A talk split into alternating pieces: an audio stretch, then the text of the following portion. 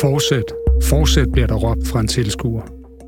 På videooptagelsen ser man en mand i røde shorts en sort hættetrøje vakle og vælte ind i en stolpe og ned på asfalten. Han tog ud og smurt ind i blod, og han forsøger igen at komme på benene. Han vakler og kommer til sidst op. En mand kommer til at hjælpe ham op og hjælper ham væk. Optrinet fandt sted fredag i sidste uge i Pusher Street på Christiania, og er blot den seneste af en lang række voldelige overfald, den berømte og berygtede haskede. Den blodtilsølede mand fra den uhyggelige optagelse var angiveligt en del af Hells Angels støttegruppe AK81 på Amager. Men det skulle han ifølge BC ikke længere være. Netavisen skriver også, at de på deres optagelse og optrinet kan se en højtstående HA stå i baggrunden og kigge på overfaldet, som de betegner som et internt opgør i Hells Angels. Ifølge politiet blev den tidligere rocker tilset af en ambulance og fik et par plastre på sine sår, og derefter gik han tilbage på Christiania. Velkommen til Afhørt. Jeg hedder Christian Kornø, og med mig i studiet har jeg kriminalreporter Cecilia Erland. Vi får nogle tips på kriminalreaktionen. Fra forskellige kilder i miljøet. Det er jo faktisk... Virkelig grove forbrydelser, også altså voldsforbrydelser. Hvad ser vidnerne i sagen? Hvem står bag? Hvad er motivet? Ja. Konflikt imellem Forskellige grupperinger. Drab. Vold. Hævn. Hver uge vender vi aktuelle kriminalsager på Ekstrabladet. Overfaldet på den tidligere rocker skriver sig ind i en lang række af blodige overfald på det seneste i Pusher Street, Cecilie. Hvad har der været for nylig? Inden det her voldsomme overfald, der fandt sted i fredags, så var der to andre overfald ugen for inden, onsdag og torsdag. Og der skulle onsdag have været en episode, hvor en mand fik tæsk inde på Christiania, og torsdagen skulle en mand så være blevet stukket i låret. Og de her overfald skete altså inden for 24 timer, og skulle gerne have en sammenhæng. Altså at det her knivstikkeri skulle være hævn for overfaldet dagen før. Og altså begge dele skulle ligesom have noget at gøre med øh, hashhandlen på Christiania og en strid omkring den. Så man kan sige, at der er bare løbende mange af de her voldsomme episoder, hvor folk de kommer op og slås og skader hinanden ret voldsomt inde, i, inde på den her hashgade. Ja, fordi det er jo langt fra de, de eneste overfald, vi har øh, beskæftiget os med øh, på det seneste ude fra Pusher Street. Altså, vi har jo flere gange talt om øh, et overfald 28. april omkring kl. 19, øh, og vi har også optagelser af, af det, hvor 20 mand overfalder en, øh, en ung mand i en hasbod ude på, på Christiania. Kan du sige lidt mere om det? Ja, altså det var jo netop også et overfald, der blev optaget. Altså i lighed med det første overfald, vi omtaler her, jamen, så er det jo noget, der sker i fuld dagslys foran masser af tilskuere, folk, der bare går rundt på gaden, øh, som ofte er ret velbesøgt øh, de her sommerdage.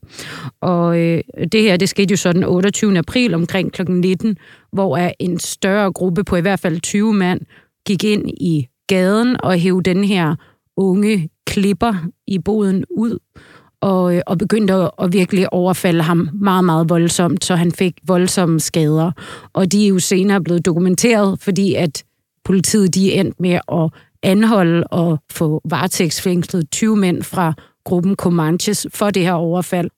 Ja, jeg var jo selv nede til grundlovsforhøret, som meget usædvanligt øh, ikke foregik for lukkede døre, men øh, for, faktisk foregik for åbne døre. Og der kunne man jo se, at Jamen altså, politiet kunne jo nærmest dokumentere øh, hvert skridt, de her rockere øh, gik fra deres rockerborg ude på Vestegnen, øh, som de havde overvågning af, og så til de satte sig ud i bilerne, og så til nogle kameraer ude omkring øh, Christiania, hvor de så steg ud af bilerne, og så netop de her altså mere håndholdte optagelser fra øh, anonyme hasbrugere, må man formode, der har opholdt sig i Pusher Street, som filmede selve overfaldet. Mm. Alt det her, der kunne man så se, at de fulgte de her mænds færden, og så fik de dem fængslet på, på den baggrund. Det er jo ret mange, altså, og meget voldsomme overfald, og der har også været nogen forud for det, som ligesom har udspillet sig på det seneste. Hvad, hvorfor det, Sissi? Jamen, altså, man kan sige, der er jo bare sket meget på Pusher Street de seneste år. Altså, fra at det engang var meget Hells Angels, der øh, havde kontrol over gaden, jamen så er det jo alle øh, bander i Storkøbenhavn, der på en eller anden måde er repræsenteret derude, og det skaber bare rigtig, rigtig meget ballade, og, og det kommer jo selvfølgelig af, at den her hashhandel er en lukrativ business for banderne, øhm, og, og det er ifølge vores oplysninger, jamen der er altid en rocker- eller bandeforbindelse, der står bag de her forskellige boder, og så siger det jo sig selv, at der kommer til at være de her gnidninger. Øh, og hvis vi for eksempel taler om, altså nu, vi ved ikke, hvad motivet er for det seneste overfald på den unge mand fra øh, Hells Angels, altså det skulle ifølge BT's oplysninger være noget internt. Men i forhold til ham, der blev overfaldet af de her 20 Comanches folk, så det, der også blev fremlagt i retten, jamen det var, at ifølge politiet, så årsagen til, at han skulle overfaldes, det var, at Comanches-rockerne ville sende et signal til bagmanden bag hashboden. Det vil sige, at den her 20-årige mand, men han var bare et tilfældigt offer, der var det forkerte sted. Og det kommer sådan set af netop en strid mellem HA på den ene side, som havde den her hashbod, og så Comanches, som havde en anden hashbod derude.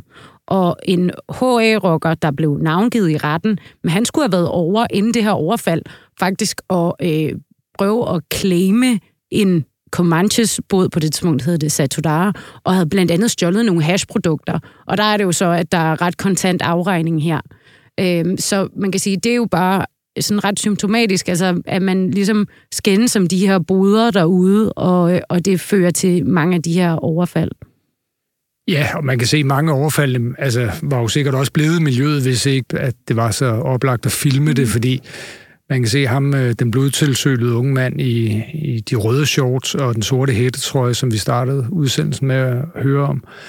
Han øh, modtager også bare behandling uden for Christiania og får et par plaster på, og så går han faktisk tilbage igen, øh, angiveligt, ja. ifølge vores kilder. Og det vil sige, øh, hvis ikke det var for nogle af de her ting, så havde det jo aldrig kommet til offentlighedens kendskab. Nej, sikkert ikke. Altså man kan sige, nu har politiet jo så også, øh, altså de er jo meget til stede i gaden, og der sker jo anholdelser næsten hver dag derinde, ikke? Men nej, det er der et, et lukket miljø, og det er folk, der netop, altså det er jo, det er jo deres måde, og altså de kan ikke ringe til politiet, hvis der er nogen, der stjæler deres hash.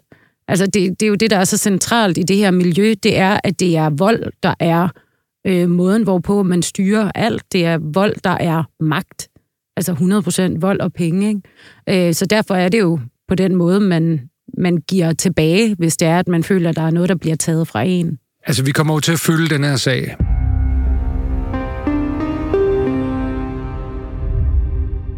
Og nu vi er ved vold, øh, så sender det mig videre til en anden sag, som vi skal have med her i afhørt. Og det er altså et retsopgør efter nogle andre uhyreligheder, kan man sige, i, i det danske bandeland. Det har også været på retslisterne i denne her uge. Cecilie, du har været nede til en retssag mod fire unge mænd, som er tiltalt for en af de episoder, som plagede især København tidligere på året og sidste år. Og det kan man sige var en kamp på knive mellem de yngre fra Blågårdsplads på Nørrebro og de yngre fra Nordvest på Ydre Nørrebro. Og det er jo en sag, som er startet denne her uge. Hvad, hvad sidder de fire unge mænd anklaget for? De er anklaget for øh, grov vold ved alle øh, fire at have slået et offer ned på Nørrebrogade 27. januar, og altså her har de så øh, sparket ham, mens han lå ned, og de har kørt en cykel hårdt ind i maven på ham. Øhm, altså det var ret hurtigt overstået, men de er altså alle sammen tiltalt for at have begået det her overfald, og at det ligesom skulle være sket under en konflikt. De her mænd, de skulle være fra Blågårds Plads, og have været på side med øh, Blågårds Plads-gruppen og LTF, hvor er offeret og man kan sige hans gruppering, jamen det er så de her unge mænd fra Nordvest. Det er ligesom den første sag i hele den her konflikt, der udspandt sig i vinteren, og efterfølgende blev en hel masse unge mænd anholdt, og det er så den første retssag, hvor at øh, konflikten ligesom kommer lidt ud i lyset, og, og politiet forklarer, hvordan de mener, det hænger sammen. Ja, og altså som et, et faktaopslag i øh, indslaget her, kan vi fortælle, at øh, Der blev begået hele 66 knivstikkerier øh, i december og januar 2022 og 2023 i de københavnske politikredse, og mere end halvdelen af dem foregik i København. Altså det vil sige, det var altså et voldsomt knivstikkeri hver dag i denne her periode, og altså et voldsomt knivstikkeri hver anden dag i København, så det var meget massivt, og det er så den første sag, som, som skal rulle i, i efterspillet af, af den konflikt. Ja. Hvem er de her øh, mænd, hvis man kan kalde dem det? Nu har du været nede og, og øh, ja, se dem nede i, i byretten. Ja, altså, øh, nu, nu siger vi jo mænd, men de er jo 16-17 år, var endnu yngre, da det her skete. Øh, altså, de fremstår jo øh, altså virkelig unge, altså spinkle med lidt, lidt dun på læben. Den ene skiller sig så ud ved at have et, et meget kraftigt øh, fuldskæg, men, men de andre kunne også altså, være endnu yngre og se på, hvad jeg siger. Og de sidder jo der med deres øh, skjorter og, og ligner på mange måder helt almindelige drenge, og det, det virker voldsomt, at de allerede skulle være en del af så alvorlig kriminalitet, som de altså bliver anklaget for. Men ifølge et politividne, der var inde i dag, jamen, så kan de alle fire knyttes til en gruppe, som bliver kaldt gruppen fra Blågårdsplads, tror jeg, er mangel på bedre navn. Og det, som politividnet forklarede i dag, det var, at man i forbindelse med den her konflikt, så begyndte at kortlægge, hvad er det her for en gruppe, hvad er det for et konfliktscenarie, vi er inde i. Og der er det jo så, man er kommet frem til, at man har Loyal to Familia, som udspringer af Blågårds Plads, har styret området i 10 år siden, at de blev stiftet i 2013, at vi kender alle sammen øh, Loyal to Familia, vil jeg sige. De blev endelig øh, forbudt i 2021 i højesteretten, men det har umiddelbart ikke rigtig betydet, at de har lagt deres øh, kriminelle aktiviteter på hylden, eller øh, grupperingen for den sags skyld. Men det er ligesom nogle af de lidt ældre, som stadig opererer. Samtidig så er der den her yngre garde, den yngre generation, som bliver kaldt gruppen fra Blågårds Plads. Og de har ifølge politividnet her haft en gruppeadfærd. Altså der har blandt andet været en Snapchat-gruppe, hvor at de har kommunikeret, de har øh, advaret mod politiet, de har læst op, dokumenteret i retten, at de har øh, ligesom sagt, at nu er der politi her, eller nu er der en modstander her. Så de er ligesom sådan en undergruppe til, altså det er rigtig loyal to familie, hvis man... Øh, altså, ja. Og det er jo ikke usædvanligt, at de her både rockergrupper og gadebander, men især gadebander har de her sådan lidt ungdomsfraktioner, hvor man øh, altså netop også rekrutterer nogle håndlanger. Ja, lige præcis. Og der er ikke nogen tvivl for politiet om, at det, det er det. Altså mange af den her øh, unge i den her gruppe, de har måske storebrødre, der er med i LTF og, og sådan noget. Og det er ligesom nogle af dem af politiet at fortælle, at de har holdt øje med dem her. At det kunne godt være nogle af dem, der ligesom var en del af den nye generation, og som måske ville gå ind i LTF, og man har ligesom set under den konflikt, der var her i vinters, at flere af dem ligesom stille og roligt er krøbet op, hvis man kan kalde det det, i LTF. Men en del af dem er stadigvæk en del af det, de kalder gruppen fra Blågårdsplads. Og de fire her, det er netop nogle af de yngre her, som man vurderer er en del af den gruppering. Ved man overhovedet, hvorfor den her konflikt eller krig, om man vil, øh, mellem de her to øh, grupperinger fra hver sin ende af Nørrebro, øh, altså fandt sted? Ja, altså det er jo så ikke noget, der kom frem i retten i dag, men det er noget, vi også tidligere har beskrevet, og fra kilder, jamen der får vi ligesom at vide, at udover der er LTF og gruppen for Blågårdsplads på den ene side, så er der jo så den anden gruppe, der hedder øh, en gruppe fra Nordvest. Og i den er fortrinsvis yngre mennesker fra området, men også nogle af dem er tidligere med i øh, det, der hed NNV, den gadebande der.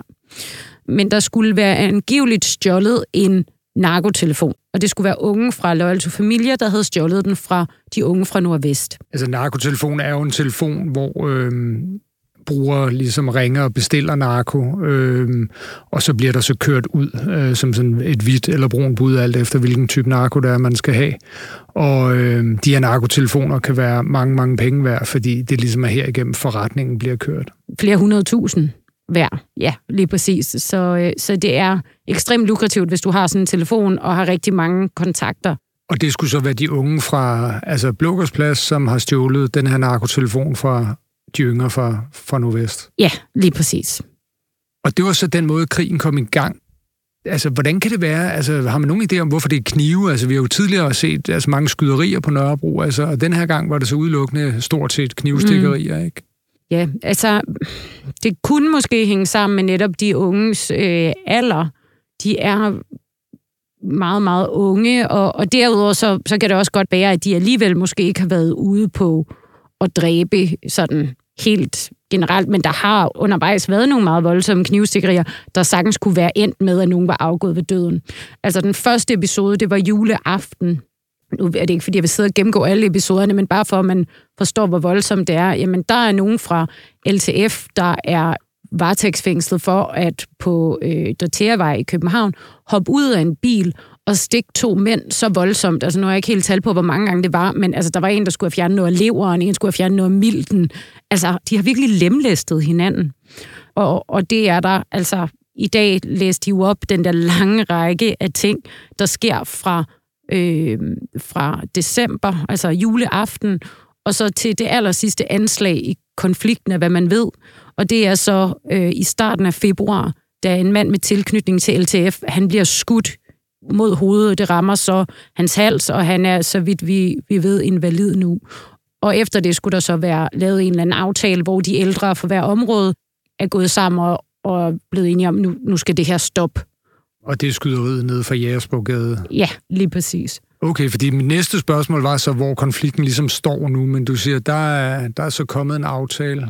Det skulle der være, altså man, man i hvert fald lige lagde den ned nu. Øh, det er et uopklaret skyderi, men det var i hvert fald noget, der ifølge vores kilder hænger sammen med konflikten, der vi også har beskrevet, og nu har politiet så her torsdag i retten også så fortalt, at ifølge dem, der er det altså også den sidste øh, episode i, i konflikten. Lige præcis det overfald, at de er anklaget for her, den 27. januar, det udspiller sig jo på Nørrebrogade foran en smykkebutik. Og det sker ved, at der kommer to mænd, som politiet mener er nogle af de yngre her fra Nordvest. De kommer gående ned ad Nørrebrogade, og de bliver så ligesom passet op af en større flok, som politiet mener er fra LTF og Blågårdsplads, den del af konflikten. Den ene bliver jo så passet op, og man ser på en videoovervågning, hvordan han får de her tæsk, jeg taler om. Han ryger ned på jorden, og han bliver sparket. Den anden løber så videre og bliver forfulgt af flere mænd. Han prøver at løbe ind i en superbrusen der på Nørrebrogade, og han bliver altså virkelig voldsomt stukket i øh, nakken, i benet, i ballen, alle mulige vegne. Altså, nu har jeg heller ikke helt tal på, men det var meget, meget voldsomt, og det her, det skete fredag aften. Altså, der var masser af mennesker derinde, og da de så skal flygte derfra, så er der altså også en uskyldig mand, der var inde og handle. Han får altså også et knivstik, men overlever heldigvis. Men da man efterforsker den sag, det er den sag, det egentlig starter med, så er det, man tjekker videoovervågning i området. Og så er det, man pludselig får øje på det første overfald her. Det var ikke et offer, der kom og fortalte, hvad der var sket eller noget. Det er altså politiet, der i forbindelse med det meget, meget voldsomme knivstikkeri i Superbrusen opdager det her overfald. Så lige for at, at opsummere, så, så politiet de øh, får selvfølgelig en anmeldelse om, at der er en mand, der er blevet voldsomt stukket øh, inde i Superbrusen på mm. Nørrebrogade, og så er det så, at de altså, tjekker overvågningskameraen i nærheden for at se, kan man se, hvem det er, der løber ind og laver det her, så ser de, at der faktisk er et forudgående overfald, ja. altså forud for knivstikkeriet. Lige præcis, og man starter faktisk med ikke at vide, hvem den forurettede i sagen er.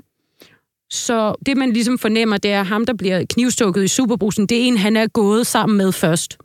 Så altså, det er jo oprullet anklageren i retten. Øh, det her, det efterforskningsarbejde, der var i det, så finder man ud af, at hans gode kammerat, hvem det muligvis kunne være, man finder en drikkejoghurt på stedet, og via DNA fra den, så er det, at man kommer frem til det her offer, som så stemmer overens med, at det, han er kammerat til offeret i Superbrusen, og at ja, hans DNA, det passer med den her yoghurt. Men han, øh, han har ikke selv vil sige noget som helst om det. Og det er det, der er helt symptomatisk for det, er, selvom de er mega unge, så har de fuldstændig en idé om politiet, dem taler man ikke med, selvom at man er blevet overfaldet og udsat for meget, meget grov vold. Ikke? Og hvordan ser det så ud i sagen lige nu? Ja, altså jeg vil sige, de, de nægter sig jo alle fire skyldige. De siger, at de ikke er en del af den her gruppering, og de siger, at det ikke er dem, der er på den her videoovervågning. Og det bliver det, retten skal tage stilling til. Er det de mænd, man ser på videoovervågningen? Øh, og, øh, og der falder formentlig en dom her i næste uge. Og der kan man sige, der binder vi jo nærmest en sløjfe til øh, det første overfald, vi beskæftigede os med, som jo godt nok fandt sted her for ganske, ganske nylig, men der ville offeret jo heller ikke sige noget til politiet, men forsvandt ind på Christiania igen. Cecilie, du skal have tusind tak, fordi du var med her i dag og gjorde os klogere på sagen, og Katja Grante, som har produceret øh, programmet, skal også have tak, og alle, der har lyttet med, skal selvfølgelig have mange tak.